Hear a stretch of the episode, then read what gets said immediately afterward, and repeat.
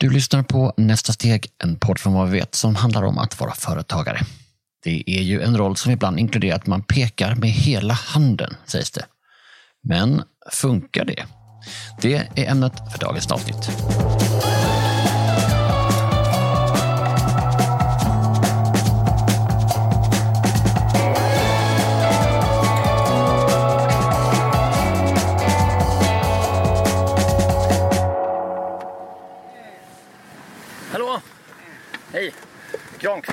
Ter- spårvägen 8 precis.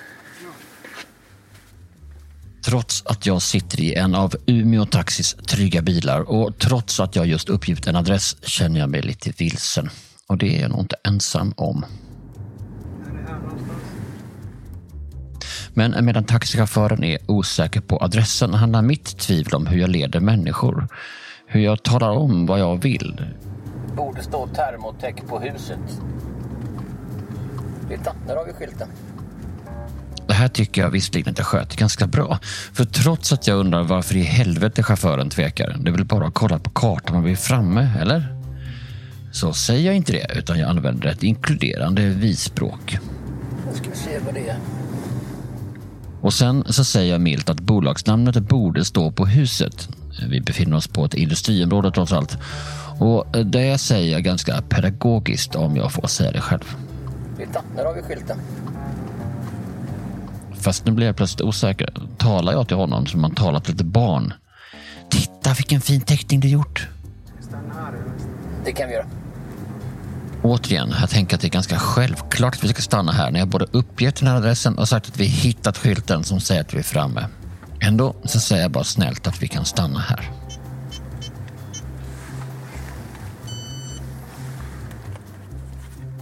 Å andra sidan hade det varit svinotrevligt att säga något annat. Att liksom brusa upp och berätta för honom om de här lite sarkastiska och barnsliga tankarna jag har i mitt huvud. Ska du ha kvitto? Jag tränar kvitto. Jag har lärt mig att det är viktigt. Nej, men jag låter ju som jag pratar med ett barn.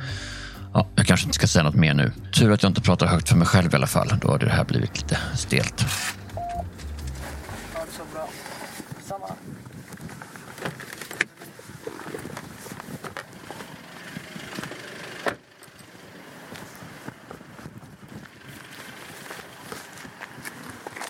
För er som kan ert Umeå sitter Thermotech på Västerslätt i en ljusgrön kontorsbyggnad som är några våningar hög och som ser ut som den byggdes på 60-talet. För den som inte kan sin VVS utvecklar, tillverkar och projekterar Thermotech värme och rörsystem, alltså typ golvvärmesystem. De startade på 1990-talet, omsätter knappt 200 miljoner, har 80 anställda, var de flesta jobbar i fabriken i Sollefteå, bara 20 mil bort. Vilket ju är, som alla vet är i princip nästgårds med norrländska mått mätt. Hallå, hallå. Anders Andersson. Längst bort till vänster. Längst bort till vänster. Men det som jag tycker är mest intressant är att Thermotech jobbar med självstyrande team. Där de alltså pekar på sig själva och bestämmer vad de ska göra. Och den som bestämt att det ska vara så är Anders Andersson, vd och ägare av den här firman. Vi hälsar osäkert på varandra eftersom pandemirestriktionerna ännu inte riktigt släppt helt när vi ses. Men en del har ändå börjat ta i hand och andra inte. Det är så konstigt när man inte tar i händerna nu längre. Man är så, det är så ovan. Men hur är det med att peka med handen då? Vi går in på Anders kontor. Jag riggar med mikrofonerna och vi börjar med den centrala frågan här. Så ska jag peka med hela handen? Nej, det är en katastrofalt dålig sätt att hantera det och ehm, det, inom tio år kommer det inte existera sådana företag. Och därmed har vi klargjort det. Frågan är ju vad som kommer istället. Är det kanske den här modellen som Thermotech kör? Och för att förstå den så måste man först förstå Anders Anderssons referenser. En viktig påverkan kom hemifrån. Jag hade också starka värderingar hemifrån som mina föräldrar. Att eh, vikten av alla människors lika värde. Och, eh, min pappa var så här, skogsarbetsledare i ett eh, Modo, nu heter det Holmen. Och, eh, alltså ingen hög chef, men han var väldigt så här, du måste när jag började liksom behöva bli chef så sa han väldigt tydligt att du Anders, du måste tänka på att du måste involvera personalen i beslutsfattande och du måste visa omtanke och så här. Det är otroligt viktigt. Och Det där tankesättet blev en referenspunkt, en måttstock som Anders strävade efter när han började leda andra. Och när Anders började fundera på att han skulle omsätta pappans teori i praktiken på bästa sätt så hittar han en bok. Egentligen var det Janne Karlssons skriv Pyramiderna som, som jag insåg att där, där har jag min liksom, syn på hur det här ska byggas. Vad var det där i den boken som blev, Ja. gjorde att den blev så stor? Jag har inte läst den, jag har bara hört Nej, om det, den. det, det bör du göra och den är, all personal som börjar i Thermotech får läsa den. Och den, är, den skrevs ju i mitten av 80-talet. Men den är så relevant. Eh, Det handlar ju om att den sätter människan i centrum och den eh, sätter förstås kunden i centrum. Och att beslut måste fattas i frontlinjen så att säga, närmast kund. Och den här omtanken, allt det här och till och med samhällsansvaret väldigt tidigt. Så det var ju oerhört liksom, progressivt på den tiden. Så att vi byggde ju vårt eh, Thermotech då, när vi började 96 på det sättet. Så är det då att du, å ena sidan har du med dig det här, vi kan kalla det någon slags mod och filosofi, ta hand om andra, å andra sidan något slags mer samhällsansvar Ja. och sen å andra sidan så möter det Janne Karlsson där du säger okej, det här är ju faktiskt också kommersiellt gångbart. Ja, ja absolut. Jag, menar, jag känner ju en, en alltså, det samhällsnytta jag kan bidra bland annat med det är ju att skapa arbetstillfällen i Sollefteå som verkligen behöver det och så vidare. Och att människor trivs och så vidare. Vi växer ju och bidrar till välfärden i Sverige. Men eh, min, min drivkraft har ju aldrig varit pengar utan pengar är liksom en medel för att utveckla. Det är klart det är lätt att säga när man har det ganska bra sin familj, alltså, när man är liksom på toppen av Maslows behovstrappa. Men, men eh, när man väl är där så då, då är inte det viktigt, de här extra miljonerna. Utan det är liksom att skapa något som folk trivs med, som kunderna älskar, som bidrar till en samhällsutveckling. Thermotechs egen utveckling är också intressant. Efter drygt ett decennium så passerade man 100 miljoner kronor i omsättning. Vi hade ju en fenomenal framgång liksom första tio åren. Mm. Och eh, starkt decentraliserat, frihet under ansvar, mycket sånt där. Vi hade kul tillsammans. Eh, det var lite grann som att man kanske, vi kanske tog med oss studentlivet. Liksom. Men när man fick in nya delägare där någon gång så bestämde sig Anders för att styra upp saker. Och på ganska kort tid infördes processer, system, ISO-certifiering, procedurer för avvikelsehantering, den där typen av grejer. Termotech gick från att vara lite busigt till att bli lite byråkratiskt på drygt ett år. Vi gick in 2008, var vi certifierade och det var väldig styrning och jag satt och tog emot avvikelserapporter från avdelningschefer. Som, och eh, tanken var att det skulle vara liksom processstyrt och det skulle vara tvärfunktionellt men det slutade med att det blev silosar mellan produktion, sälj, produktutveckling. Det var liksom bara eh, och eh, någon gång vid 2012 kände jag att vi hade som stagnerat. Det var också lite så här eurokris och lite sådana grejer som gjorde att det gick tyngre. Vi började, lönsamheten hade gått ner rejält. Så här, det, här, det här går inte. Så Anders gjorde det han alltid gjort. Han läste böcker. Bakom honom på kontoret har han hyllor med allehanda affärslitteratur och ledarskapslitteratur och managementböcker. Så det var också naturligt att han bestämde sig för att ta en MBA i Stockholm för att få nya perspektiv. Ja, i dubbel bemärkelse. Det var en av dem. Han var bland annat forskade mycket på Handelshögskolan. Där han beskrev, han listade, gjorde en lista på vad är det som utmärkte framgångsrika företag. Och eh, jag blev ju alldeles kallsvettig och eh, tänkte, men vad har jag gjort för någonting? Det var ju en lista på allt det där som vi gjorde första tio åren. Så jag for hem och rev sönder den där hundrasidiga affärsplanen som, som var väldigt strukturerad, som egentligen ledningssystemet byggde på. Och så koka ihop något som heter termotekmodellen där allt är koncentrerat till en A4-sida. Eftersom det här är ett avsnitt om att försöka hitta hem i sitt ledarskap så frågar jag Anders om han idag kan identifiera en punkt där han tycker att han gick vilse. Alltså då han glömde bort den där decentraliserade kulturen han själv byggt under tio års tid. Jag hade gått vilse i att det, det, jag gick in i liksom ISO-träsket.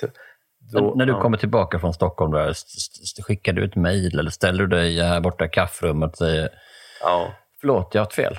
Ja, absolut. Och det, det är det bland det viktigaste man ska tänka som ledare. Jag, brukar, och jag måste gå i frontlinjen med det och säga, jag måste vara ytterst ödmjuk, Jag måste berätta om alla mina, mina tillkortakommanden och misstag.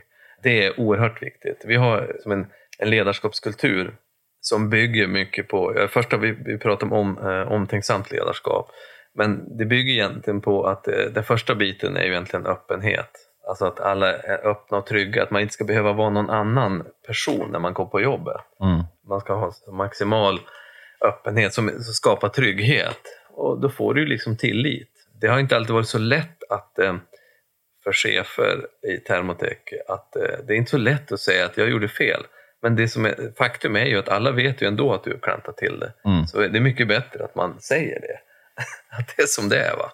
För att det är ju också det här man vill ha ett, jag vill att innovationsklimatet det ska vara i hela företaget. Och att eh, folk ska liksom känna trygghet och göra fel. Jag pratar till och med, och det- det kan nog skrämma en del chefer i Thermotech också. Jag pratar ganska öppet om att vi måste tillåta civil olydnad. Mm. Att eh, personalen ska osanktionerat, om de tror på någonting, så måste de få prova det. Fast det liksom inte är sanktionerat av chefen. Det här låter ju helt fantastiskt om det stämmer. Ja, om det stämmer. Och enda chansen att det kan funka är att alla har samma syn på något grundläggande på vad man gör och, och varför. Kalla det mission eller vision. Som Ikea, där man pratar om att skapa en bättre vardag för de många människorna. Jag ber Anders sätta ord på deras essens. Essensen av Thermotech-modellen är väldigt enkel det, och hela idén hur termotech grundas det är visa omtanke och förenkla kundens vardag. Och då handlar det om omtanke mot varandra inom Thermotech men förstås mot kunden och mot samhället och så vidare. Eh, Och så sen att allt vi gör ska förenkla installatörens vardag. Så alla de här dagliga beslut som vi alla tar, chefer som medarbetare, frontlinjen, det handlar ju om att visa omtanke och förenkla kundens vardag. Så det är liksom hela syftet med hur Thermotech startade. Så det är ju väldigt syftesdrivet. Mm. Så att folk måste ju ta sina dagliga beslut utifrån det som tror är bra. Sen finns det ju delar som är väsentliga. Det är ju att man måste ta ansvar för hur påverkar då det här mina kanske arbetskamrater om jag gör det här. Mm. Fast jag tror att det är bra för kunden eller för Thermotech så måste man ju ha någon sorts, eh, och det är dit jag håller på att titta, hur kan man säkra upp det här? Det vill säga inte, du ska inte fråga chefer utan du ska liksom ha en sorts rådgivningsprocess att säkra så att men du, du ska ändå ta beslut själv. Men det här är ju klart inspirerat av det moderna faktiskt som Försvarsmakten använder, uppdragstaktik. Och den pratar ju mycket om det här med öppenhet, trygghet och tillit och så vidare. Du har en basker i bokhyllan bakom dig. Ja, jag höll ju på att bli militär själv. Och det var också en väldigt fin eh, ledarutbildning. Jag var så här jägargruppchef i Lapplands jägarregemente och det var väldigt nära att jag skulle gå den militära banan. Men det var ju också, det var väldigt tydligt att när vi väl var där ute så då, grupp, jägargruppen, vi var helt, vi hade ett uppdrag och liksom det var så att eh, det, Men Du det, kan inte ringa till eh, någonstans och fråga vad ska vi göra nu? Nej, utan det, det var liksom uppdraget och så tar man beslut efter bästa förmåga. Så att, eh, jag eh, kan väl också säga att Thermotech har ju nog uppfattats och är, bedrivs lite grann som en hur ska vi säga, eh, syftesdriven gerillarörelse med självstyrande jägarförband som är, som är och eh, förändrar hur marknaden fungerar och förvärrar för konkurrenterna. Okej, här får jag lite sektvarningsvibbar. Anders ser min grimas och lägger till att han faktiskt förstår den där reaktionen. det kan ju finnas det här liksom sektvibbar i, när, när det blir starkt syftesdrivet. Sånt där kan du hitta i de här, jag menar Ikea och Camp. Det är klart du kan hitta vissa sekteristiska, eller ska säga, lite nästan religiösa inslag. Och det är ju ingen tillfällighet. Alltså det, det måste man ju komma ihåg att det är ju en drivkraft i människors alltså man vill göra, alltså Vi alla människor vill ju göra något som är större än en själv. Och då kan det ju ta sig uttryck att du blir liksom jihadist eller att du kan bli extremist alltså för att du tror att du gör något bra. Så det kommer jag aldrig komma ifrån. Men i mitt fall så har jag i alla fall ett ärligt uppsåt att försöka göra världen lite bättre. Absolut. Men det finns förstås människor som inte vill hjälpa till, som är lata och inte vill bidra till att världen blir bättre. Hur hanterar man dem då, undrar jag? Jag har en jättestor tro på människor. Det, det kan, det, en del kan uppfatta det naivt, men jag, jag tar den risken för jag tror att människor vill väl. Liksom. Jag utgår ifrån att eh, jag litar på folk, att de vill göra sitt bästa. Jag ska erkänna att jag tillhör den där gruppen som tycker att det här låter lite naivt. Men också fint på något sätt.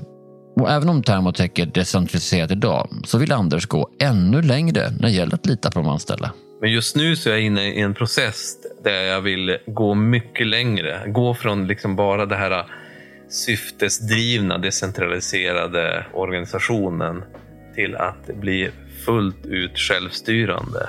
Alltså på riktigt, det vill säga nästan att där cheferna liksom nästan inte är chefer. Utan I Sverige behöver man juridiskt ansvar från, allt från alltså arbetsmiljö till och så vidare. Men min ambition är att ta det här liksom eh, rivpyramiderna 3,0, inte 2,0. Och eh, jag har nu hittat det som jag tror på och eh, det är en författare som heter Fredrik Laloux som har skrivit Reinventing Organizations.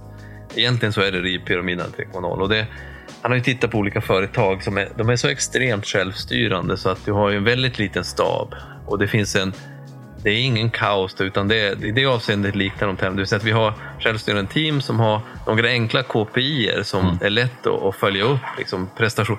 Så vi försöker ju också mäta prestations, alltså på teamnivå.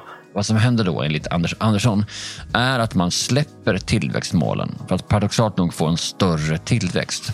Och det här det har han siffror på. Egna siffror. Omsättningssiffror alltså. Men det som händer, det ser vi redan dag i Termotech, det är ju att det här börjar leva, alltså det här är som levande organismer, de här teamen som börjar utvecklas i en egen, alltså det, det kan ta sig en annan riktning än kanske man hade tänkt sig. Så det betyder att som ägare, styrelseledare, måste vi acceptera att det här kommer utvecklas av sig själv. För det är ju lite grann som naturen, att du har, om det är något som anpassar sig lite grann i naturen och blir lyckat, då sprider det sig extremt mycket. Och det är lite grann så då tanken på förbättring och idéer, att det, det är liksom genom att alltid anpassa sig, alltså hela tiden vara föränderlig, alltså istället för att tänka hela tiden vad, vad ska vi göra om tre år, utan visst man måste göra en projektplan om du säger ja men vi behöver en ny fabrik för att tillverka det här, ja det är klart att då måste du ha en projektplanering eller något sånt den dagen, men inte liksom säga att jag vill planera för att bygga om tre år. Visst, du, du kan behöva en krishantering till exempel av till exempel vi har tittat på, vad, klarar vi med de lokaler vi har, att ha dubbla tillväxten i Sollefteå? Så det är klart, sånt måste man göra. Så här. Men det handlar ju om att eh, släppa makten fullt ut. Och jag, Mm. Lättare sagt än gjort förstås, men jag låter mig övertygas av Anders. Samtidigt, även om han vill framstå som antitesen till en ledare som pekar med hela handen, så fråga honom om man inte måste peka med hela handen när det gäller just värderingarna och hur de ska genomföras.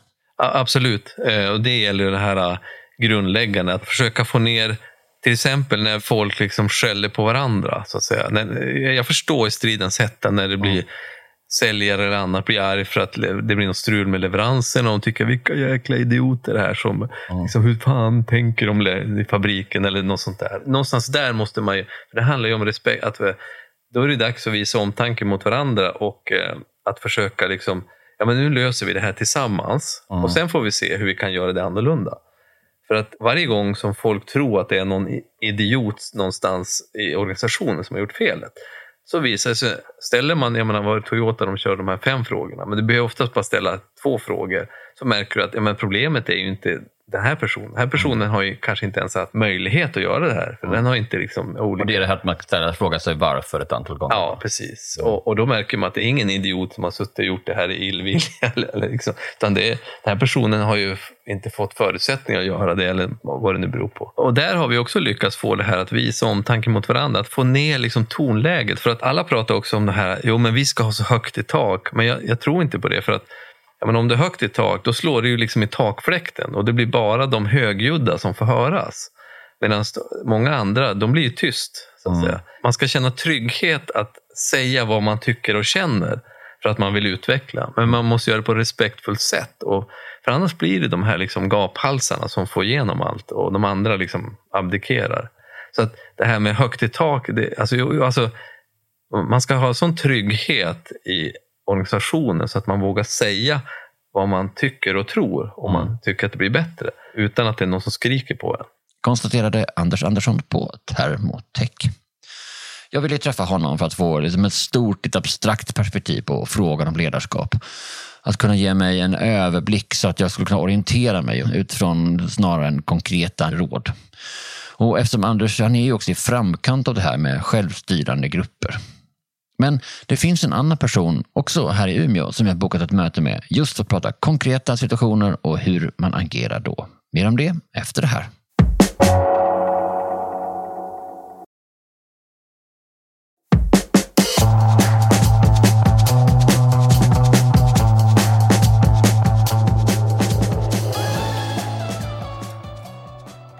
Varför har du en dålig dag? personal. Nej, Nej, men ibland blir det för mycket av en dag. Ofta så brukar jag gå runt och säga att vara företagare, det är så mycket fritid. Alltså man är flexibel, man kan planera sin dag hur som helst, när som helst. Men det finns vissa dagar som man inte kan styra riktigt. Och eh, idag blev det en sån dag. Från morgon till nu. Och det enda jag såg fram emot det var det här. Men eh, vi får göra det bästa av det. Det här är Delia Sadius. Hon driver Blomstra som jobbar med assistans och hemtjänst. Vi sitter på hennes kontor ovanpå en restaurang i ett av de gamla fina husen längs Kungsgatan i stadsdelen Öst på stan i Umeå. Alltså öster om det som förr var stadens kärna. Det är en bred gata kantad av björkar, såklart. Kantad av villor, kantad av tvåvåningshus. Eh, byggt för direktörer och tjänstemän för knappt 200 år sedan. Du har ju funderat mycket på hur ni jobbar och gör det bästa möjliga av personalen. Jag menar, när man är i er situation så träffar man hela tiden individer och då ska man ju prata, det är ju allt det här snacket om att du ska ge folk individuell behandling och utgå ifrån dem och sånt. Liksom. Men det gäller ju samma om företagande. Och det kan ju vara frustrerande om man, eh, som jag ibland, vill peka med hela handen. Och eh, jag ser på ditt kroppsspråk att du har en sån dag att du också vill peka med hela handen. Ja, om jag kunde. Det är ju ingen som är här för att jag ska peka med hela handen. Men jag tror det är väldigt mycket som sägs i att vara företagare. Det här med delaktighet och hur man ska jobba och hur man ska inkludera personal. Och, men jag har aldrig upplevt det som anställd själv förut. Och det där är en utmaning. Att eh, säga en sak och verkligen jobba efter det och implementera det i verksamheten, i hela organisationen. Och eh, där känner jag ändå att vi har lyckats. Och jag tror mycket beror på att i början så, när jag startade företaget, så var det väldigt mycket som jag inte kunde själv. Och för mig blev det en självklarhet att ta hjälp från personalen. Och det har ju ändå resulterat till att en verksamhet där personalen bryr sig och är ambassadörer för företaget. Och eh, för mig det är det största vinsten som företagare. Ja, för jag tänker ni heter ju Blomstra. Vem eller vad ska blomstra? LSS, alltså reformen, ska blomstra. Personalen, brukar jag säga, det är A och O. De ska blomstra i sina roller. Att folk ska få veta att det här jobbet är ett viktigt jobb. Det är ett viktigt, riktigt jobb. Och inte bara en sån här genomgångsyrke som har kommit till. Att folk ska få förståelse för att det jobb som de gör dagligen med den enskilda, det går inte att jämföra med någonting annat. Vara nära en person 8-16 timmar per dag och förstå deras värld, vara i deras hem och allt som ingår i reformen LSS. Då ställer det ganska stora krav på dig som chef också. För jag kan tänka mig att de då ju såklart förväntar sig att du ska behandla dem precis som de behandlar, vad heter det, vårdtagarna. Ja, kunderna som vi brukar säga. Jag tror det som vi har lyckats med från början, att personalen ska veta att de är viktigaste för kunderna och så blir de väldigt viktiga för företaget. Det är ju de som gör jobbet. Jag ber Delia att tänka sig att hon anställt mig och upptäckt att jag är lite halvhopplös. Någon som inte riktigt tar ansvar, som sjukskriver sig titt som tätt, som helt enkelt inte har det där ansvaret hon förväntar sig. Hur skulle hon hantera mig utan att peka med handen? Vet du, jag har haft antal under alla mina dessa år.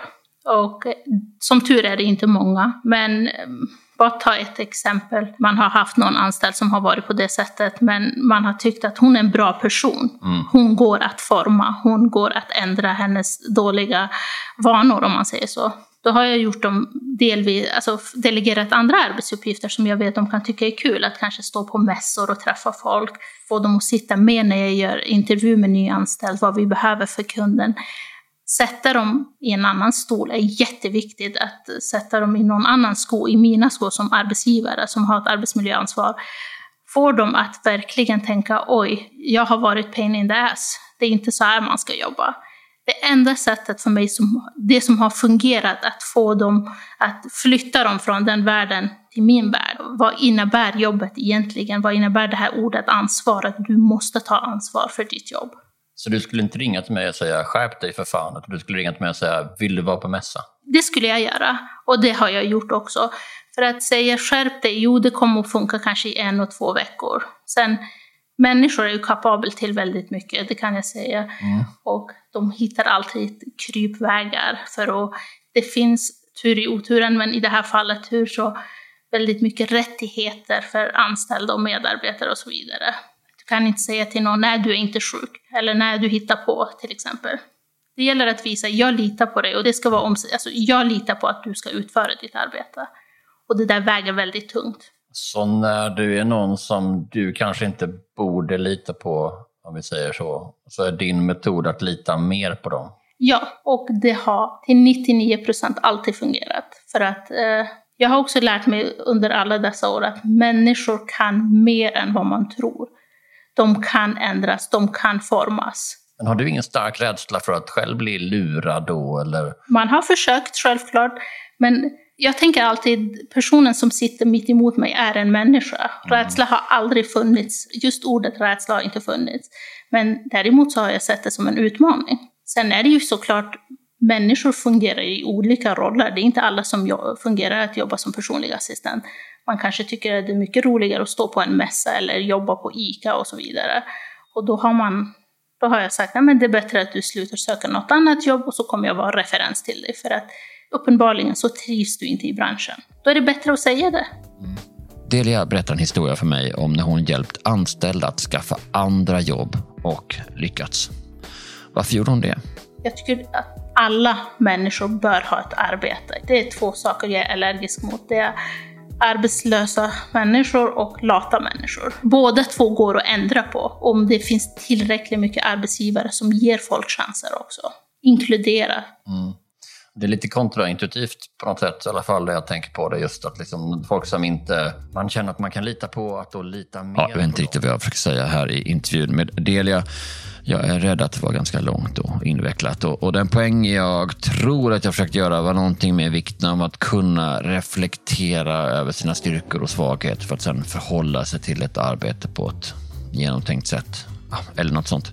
Hur som helst, tur att Delia ändå hade sinnesnärvaro nog att avbryta mig. Vet du, jag tänker så här, generellt, nu generaliserar jag, men den svenska kulturen är väldigt mycket tänka, vad vill jag, hur vill jag, hur, hur mycket vill jag det här? Och för mig har det alltid varit simpelt. Om du vill någonting, om du vill ha ett jobb, sitt inte och skicka ett CV och personligt brev. Gå till företaget och säg här är CV och personligt brev. Jag vill jobba. Alltså, jag vill inte säga att det serveras på silverfat eller vad man brukar kalla det, men det är väldigt tryggt. Folk känner att de har, de känner kanske att de har ganska mycket options i ett samhälle som Sverige. Att Sverige är ett tryggt land på det sättet. Och det är både till för och nackdel, för folk blir lata. För att de, de tänker att ja, men jag måste tänka och jag måste fundera. Och jag, det är väldigt mycket känna. Och för mig har det varit bara, känn inte, gör. Vill vill du ha ett jobb, vill du jobba på Blomstra, så jobbar du. Men då kommer det här med att du ska ta ansvar, du, du ska dyka upp på dina pass. Du ska få den enskilda som behöver hjälpen att känna det här är bästa dagen i mitt liv. Varje dag. Så din fråga på anställningsintervjun om vill du verkligen det här handlar helt enkelt om att se att är det här i linje med deras drivkrafter? Ja, Och när du väl har gjort i linje med deras drivkraft, du har anställt någon som tycker att det här är i linje med deras drivkraft, då behöver du inte peka med hela handen. nej, det behöver jag inte. För jag ser alltid att okej, du är en fullvuxen person. Du kan tänka klart, du kan gå uppenbarligen, alltså, och jag förväntar mig att du tar till dig den information som jag ger dig. Och det är ju bara att jobba. Och det har varit väldigt enkelt i mitt fall. Delia är väldigt tydlig. Varm och vänlig och väldigt tydlig. Sånt gillar jag. Och jag förstår att andra också gillar det. Tydlighet ger ju trygghet. Det är därför folk gillar henne och Blomstra, även när det hon säger inte är trevliga nyheter. Ibland när Blomstra tar över uppdrag med en kund så ingår också den personliga assistenten och ibland flera stycken. Ja, oftast. Ja. Och efter två månader så kan företrädaren eller förvaltaren fråga på personalmöte, ja hur trivs ni med Blomstra? Jo, de är det bästa bolaget, tillgängliga, det ena det efter det andra. Och då tänker jag så här, men nu måste jag få säga, jag tycker det här är sämsta arbetsgruppen jag någonsin har haft. Tänk er att det sitter en person på julveckan och väntar på sina assistenter, sina nyckelpersoner som ska komma och hjälpa. Där släkt kommer och äter julbord. Men En har mens, en har huvudvärk, en har migrän, det är allt det ena efter det andra. Mm. Jag vill inte ha en sån här arbetsgrupp. Det Då- låter som då- du pekat lite med hela handen då. Ibland. Och då- då är det så här, hur ska vi jobba tillsammans? Inte den här frågan, hur är de och hur är vi? Det här gör vi tillsammans Mm. för kunden. För vi har bara ett gemensamt mål och det är ju brukaren eller kunden. Mycket av det vi förknippar med ledarskap är hämtat från militären. Det mesta från Napoleons arméer när någon general stod långt bakom trupperna och skrek i en tratt att de skulle en dit eller en hit eller så. Och den enda gången han var framför trupperna det var väl när det skulle paraderas på Champs-Élysées kan jag tänka mig. Och militären har förstås utvecklats och som Anders nämnde så är det ju många idag som kollar på de här självorganiserade specialtrupperna och, och vad de gör. Hela det här med peka med handen, det är ju egentligen en gammal militär analogi. Liksom så här, vi ska det här hållet, att dra! Ja. Och så står generalen, först stod de längst fram och sen flyttade de bak. De insåg att det var dumt att stå långt fram och så. Men eh, det funkar ju när man har massor med personer på ett och samma håll. Och det är kanske just så att det funkar i den typen av krig som då var aktuella 1850 någonting. Idag ser krig helt annorlunda ut, det är också helt andra teorier och vi kör ju fortfarande med det med peka med hela handen. Och jag kan ju förstå det som, både som företagare och som tonårsförälder. Liksom, men för i helvete, bädda sängen nu. Mm, Jag orkar inte sitta ner i något gruppmöte och säga hur tar vi det här vidare och du ska förstå min situation. Och... Ja, ja, ja. Mm, jag förstår. Vet du, att peka med handen kommer du aldrig få personal med dig. Och någonstans för att underlätta mitt liv som företagare, då behöver jag ha med mig personal. Jag har, haft, jag har anställt chefer, som en chef specifikt, och på ett personalmöte så sa hon till personalen, och hon pekade med hela handen och så sa hon bokstavligen, sa hon, jag har sagt till er, parkera inte bilarna här ute. Det här är sista gången. Och jag sitter på det här personalmötet bara för att vara med ett tag. Det var en, ett annat företag som jag hade. Och jag fick bara två, tre minuter av den personalmötet så sa jag till personalen hur viktig det är, hur viktiga personalen är, att det är de som är ambassadörer för företaget. Det här gör vi verkligen tillsammans. Och utvärdering av det mötet eh, blev att de kände sig positiva bara för de där två minuternas prat jag hade för dem. De kände att de ville vara en del av företaget. Och då sa jag till den här chefen, du kommer aldrig fungera i ett företag som jag leder. För att här står du som vuxen kvinna och pekar handen mot vuxna människor, som om de är barn. Du får inte med dig dem. Du får inte ett förtroende från personalen. Och framför allt, det är respektlöst. Ett ord som har alltid betytt väldigt mycket för mig, innan företagande och som företagare, ordet respekt. Bemöt människor med respekt så kommer du väldigt långt. I teorin absolut, men funkar det också så i praktiken? Ja, jag bestämmer mig för att utmana det där lite grann genom att påminna henne om vem hon har mitt emot sig. Men nu har du den här nyanställde Per som är en ju hopplös figur. Ja, Men då skulle jag ta in han på enskilt samtal och så skulle jag säga Per, nu har jag tagit upp det här. Jag hoppas det här aldrig händer igen. För det är inte bra. Det är inte vår parkeringsplats. Vi vill inte få skäll. Visst förstår du det? Som fullvuxen person. Jag skulle kanske inte lägga upp det som full, alltså de förklarar han. Men lite grann. Nej. Kolla dem i ögonen och säga du har inte hörselproblem, du har inte synproblem.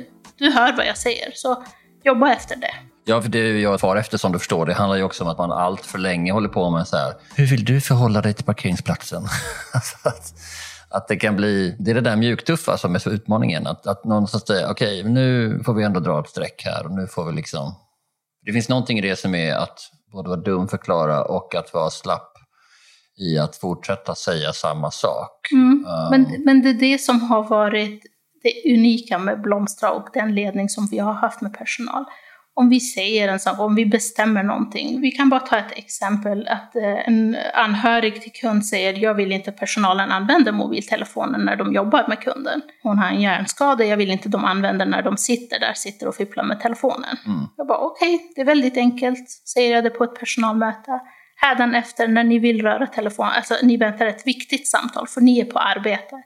Ni väntar på ett viktigt samtal så vill jag att ni säger det till kunden, jag väntar ett viktigt samtal ifall telefonen ringer. Så nu kommer vi överens, vi använder inte telefonen på arbetsplatsen. Nu är telefon ett jättedåligt exempel för att man, man kan inte låta bli den.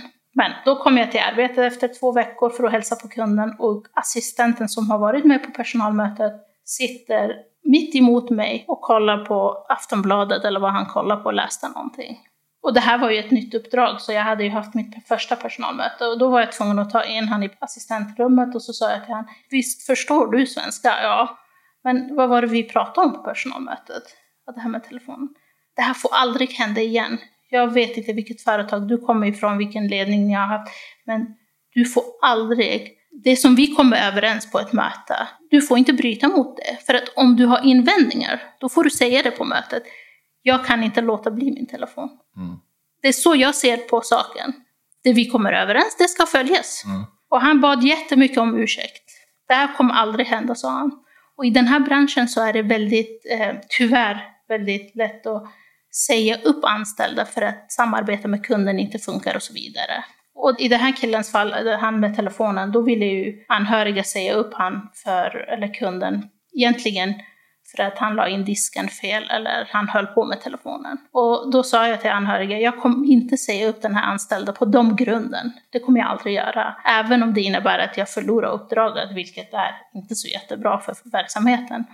Men däremot så kan vi sitta med den anställda tillsammans med er och så tar vi upp det här problemet. Och då kände den här medarbetaren, okej, okay, hon hade kunnat, Delia hade kunnat lyssna på anhöriga och säga upp mig och säga samarbetet fungerar inte eller vad som helst.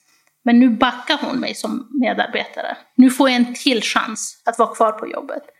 Berättade Delia Sarius på Blomstra om hur man är tydlig utan att peka med hela handen. Eftersom Almi är vår samarbetspartner för den här säsongen och Nästa steg så får jag ringa rådgivare och ställa frågor.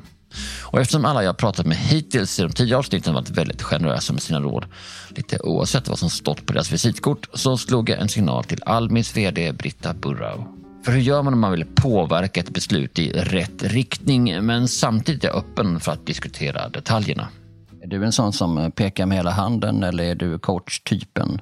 Ja, jag skulle ju, om jag fick välja mina ord, säga att jag är mer teamtypen. Men låt säga då att jag är coachtypen. Jag tror ju vad ska jag säga, att i vissa situationer så önskar alla kanske en pekning. Men det är, inte, det är, det är färre tillfällen än motsatsen så att säga. Så att jag tror ju på att, eh, låt säga, att om vi ska enas om om vi ska till Göteborg eller Kiruna så är det bättre att vi alla är överens om att Göteborg vi ska till än att jag pekar med handen och säger Göteborg. För då hinner man få med lite frågor om varför ska vi till Göteborg och inte Kiruna? Och eh, när de frågorna är besvarade då har man ju mött folk där de står. Och man har ju olika perspektiv så det kan ju ha någon som har en jävligt bra poäng men att det finns skäl att åka till Kiruna också. Har vi tagit om hand om dem innan vi spikar upp Göteborg på väggen, då har vi ju en bättre fart i vägen framåt för då vet alla att de saker som kanske bara jag kan och tänker på, de var med i beslutet. Man har tänkt på det också när man tog det beslutet. Så det tror jag passar svenskt beteende ganska bra. Här blir jag ju förstås nyfiken på vilka andra beteenden hon har koll på och det visar sig att hon också har erfarenhet av den finska kulturen efter att ha jobbat på en stor nordisk bank under många år. Sen jobbade jag i Finland under en period och eh, vi skulle sätta upp en nordiskt produktionscenter i Finland och man hade planerat en Big Bang. Och då tänker jag, det här är ju hög risk. Alla produkter, alla fyra länder, klockan åtta en måndag morgon, alltihop. Det är ju som gjort för att misslyckas. Och då frågar jag projektledaren då, som är på min nivå, så här, varför tar vi inte den enklaste produkten bara Finland? För då har vi produktionsenheten och kundenheten i samma land och är det något problem så kan vi ju springa till varandra och lösa det manuellt så som vi arbetat tidigare. Ja, sen det här har liksom min chef bestämt. Jaha. Uh, ja, men han, han har bestämt, han har nog tänkt på det. Jaha, hur tror du att det går då? Alltså, jag tror att det, här, det är ganska stor risk att det här går fullkomligt åt helvete. Mm. Ja, vad händer då? Då får jag sparken. Och vad händer då? Jag är 58 år, jag kommer inte få något nytt jobb. Okej. Okay. Är det okej okay om jag går och pratar med din chef? Mm. mm. Så här. Eller så här, jag frågar honom först, varför har du inte pratat med din chef om det här? Så, Nej, men du får tänka dig vinterkriget. Mm. Det ligger en stad där borta med 100 000 invånare. Man säger 4 000 personer ska springa ditåt. Vi vet att vi kommer dö, men vi förstår att vår ledare har tänkt på det. Och då kan man inte hålla på 4 000 händer upp i luften och säga, men tänk om jag dör då? Utan du måste förstå att när man pekar och säger spring ditåt, då gör vi det för chefen har tänkt på det här. Och då frågade jag, kan jag gå och prata med honom? Då gick jag upp och pratade med honom. Och då sa han, åh fy fan, jag hade ju också fått sparken. Vi tar enklaste produkten, bara Finland, och sen så gör vi en, liksom en fasad produktionssättning av det här. Jätte, jättebra, tusen tack, tusen tack. Mm. Liksom. Och sen kom ju den här killen ett steg ner och kom tillbaka liksom bara liksom tackade mig från sitt hjärta. Men han hade aldrig kunnat säga det här. Och jag håller med om att det finns ju situationen av finska vinterkriget när man måste peka med hela handen. Och i den kulturen. Britta har ju varit scout sedan barnsben och det anar man ju på hennes motto som är att vara ärlig, hjälpsam och göra sitt bästa. Och hon betonar vikten av att alla ska få vara med när man ska förankra men samtidigt vikten av att vara tydlig med att hon tänker ta ansvar när det blir ett beslut fattat. Och därmed också ta beslut och säga att nu är det dags att sluta förankra och börja gå. Så det är någonting bakom att först liksom låta alla berätta om sin situation. Här är jag mm. nu. Och sen på något sätt säga okej, okay, vi ska till Göteborg och kasta liksom ankaret bortom problemen och säga hur ser det ut när vi har kommit till Göteborg? Låt oss nu liksom illustrera vad är det vi har uppnått nu när vi har kommit till Göteborg. Mm. Så man får lite färg på kinderna efter liksom hela den där ganska jobbiga kartläggningen av nuläget. Och då brukar det sen gå ganska bra att sätta igång och jobba. Sa Britta Burra på Almi. Som företagare har jag lärt mig det mesta genom att lyssna på andra. Så vilken ledare tror du skulle uppskatta att lyssna på dagens avsnitt? Använd dela-knappen i din poddapp eller välj om du vill messa eller mejla dem. Eller delar du i sociala kanaler så ska du använda hashtag nästa steg. Missa förresten inte nästa avsnitt. Klicka på följ eller prenumerera här i poddappen så får du avsnittet så fort det släpps. Jag vill också tipsa på att följa den här poddens konto på Instagram kallat www.företag där vi också delar med oss av knep som inte får plats i podden. Tack för idag. Nästa vecka är det då dags för ännu ett avsnitt där vi följer en företagare som är på väg att ta nästa steg och kanske är det just det steget du funderar på. Till nästa gång, ta hand om dig och peka inte med handen i onödan. Det finns ju uppenbarligen så många andra sätt man kan vara tydlig på.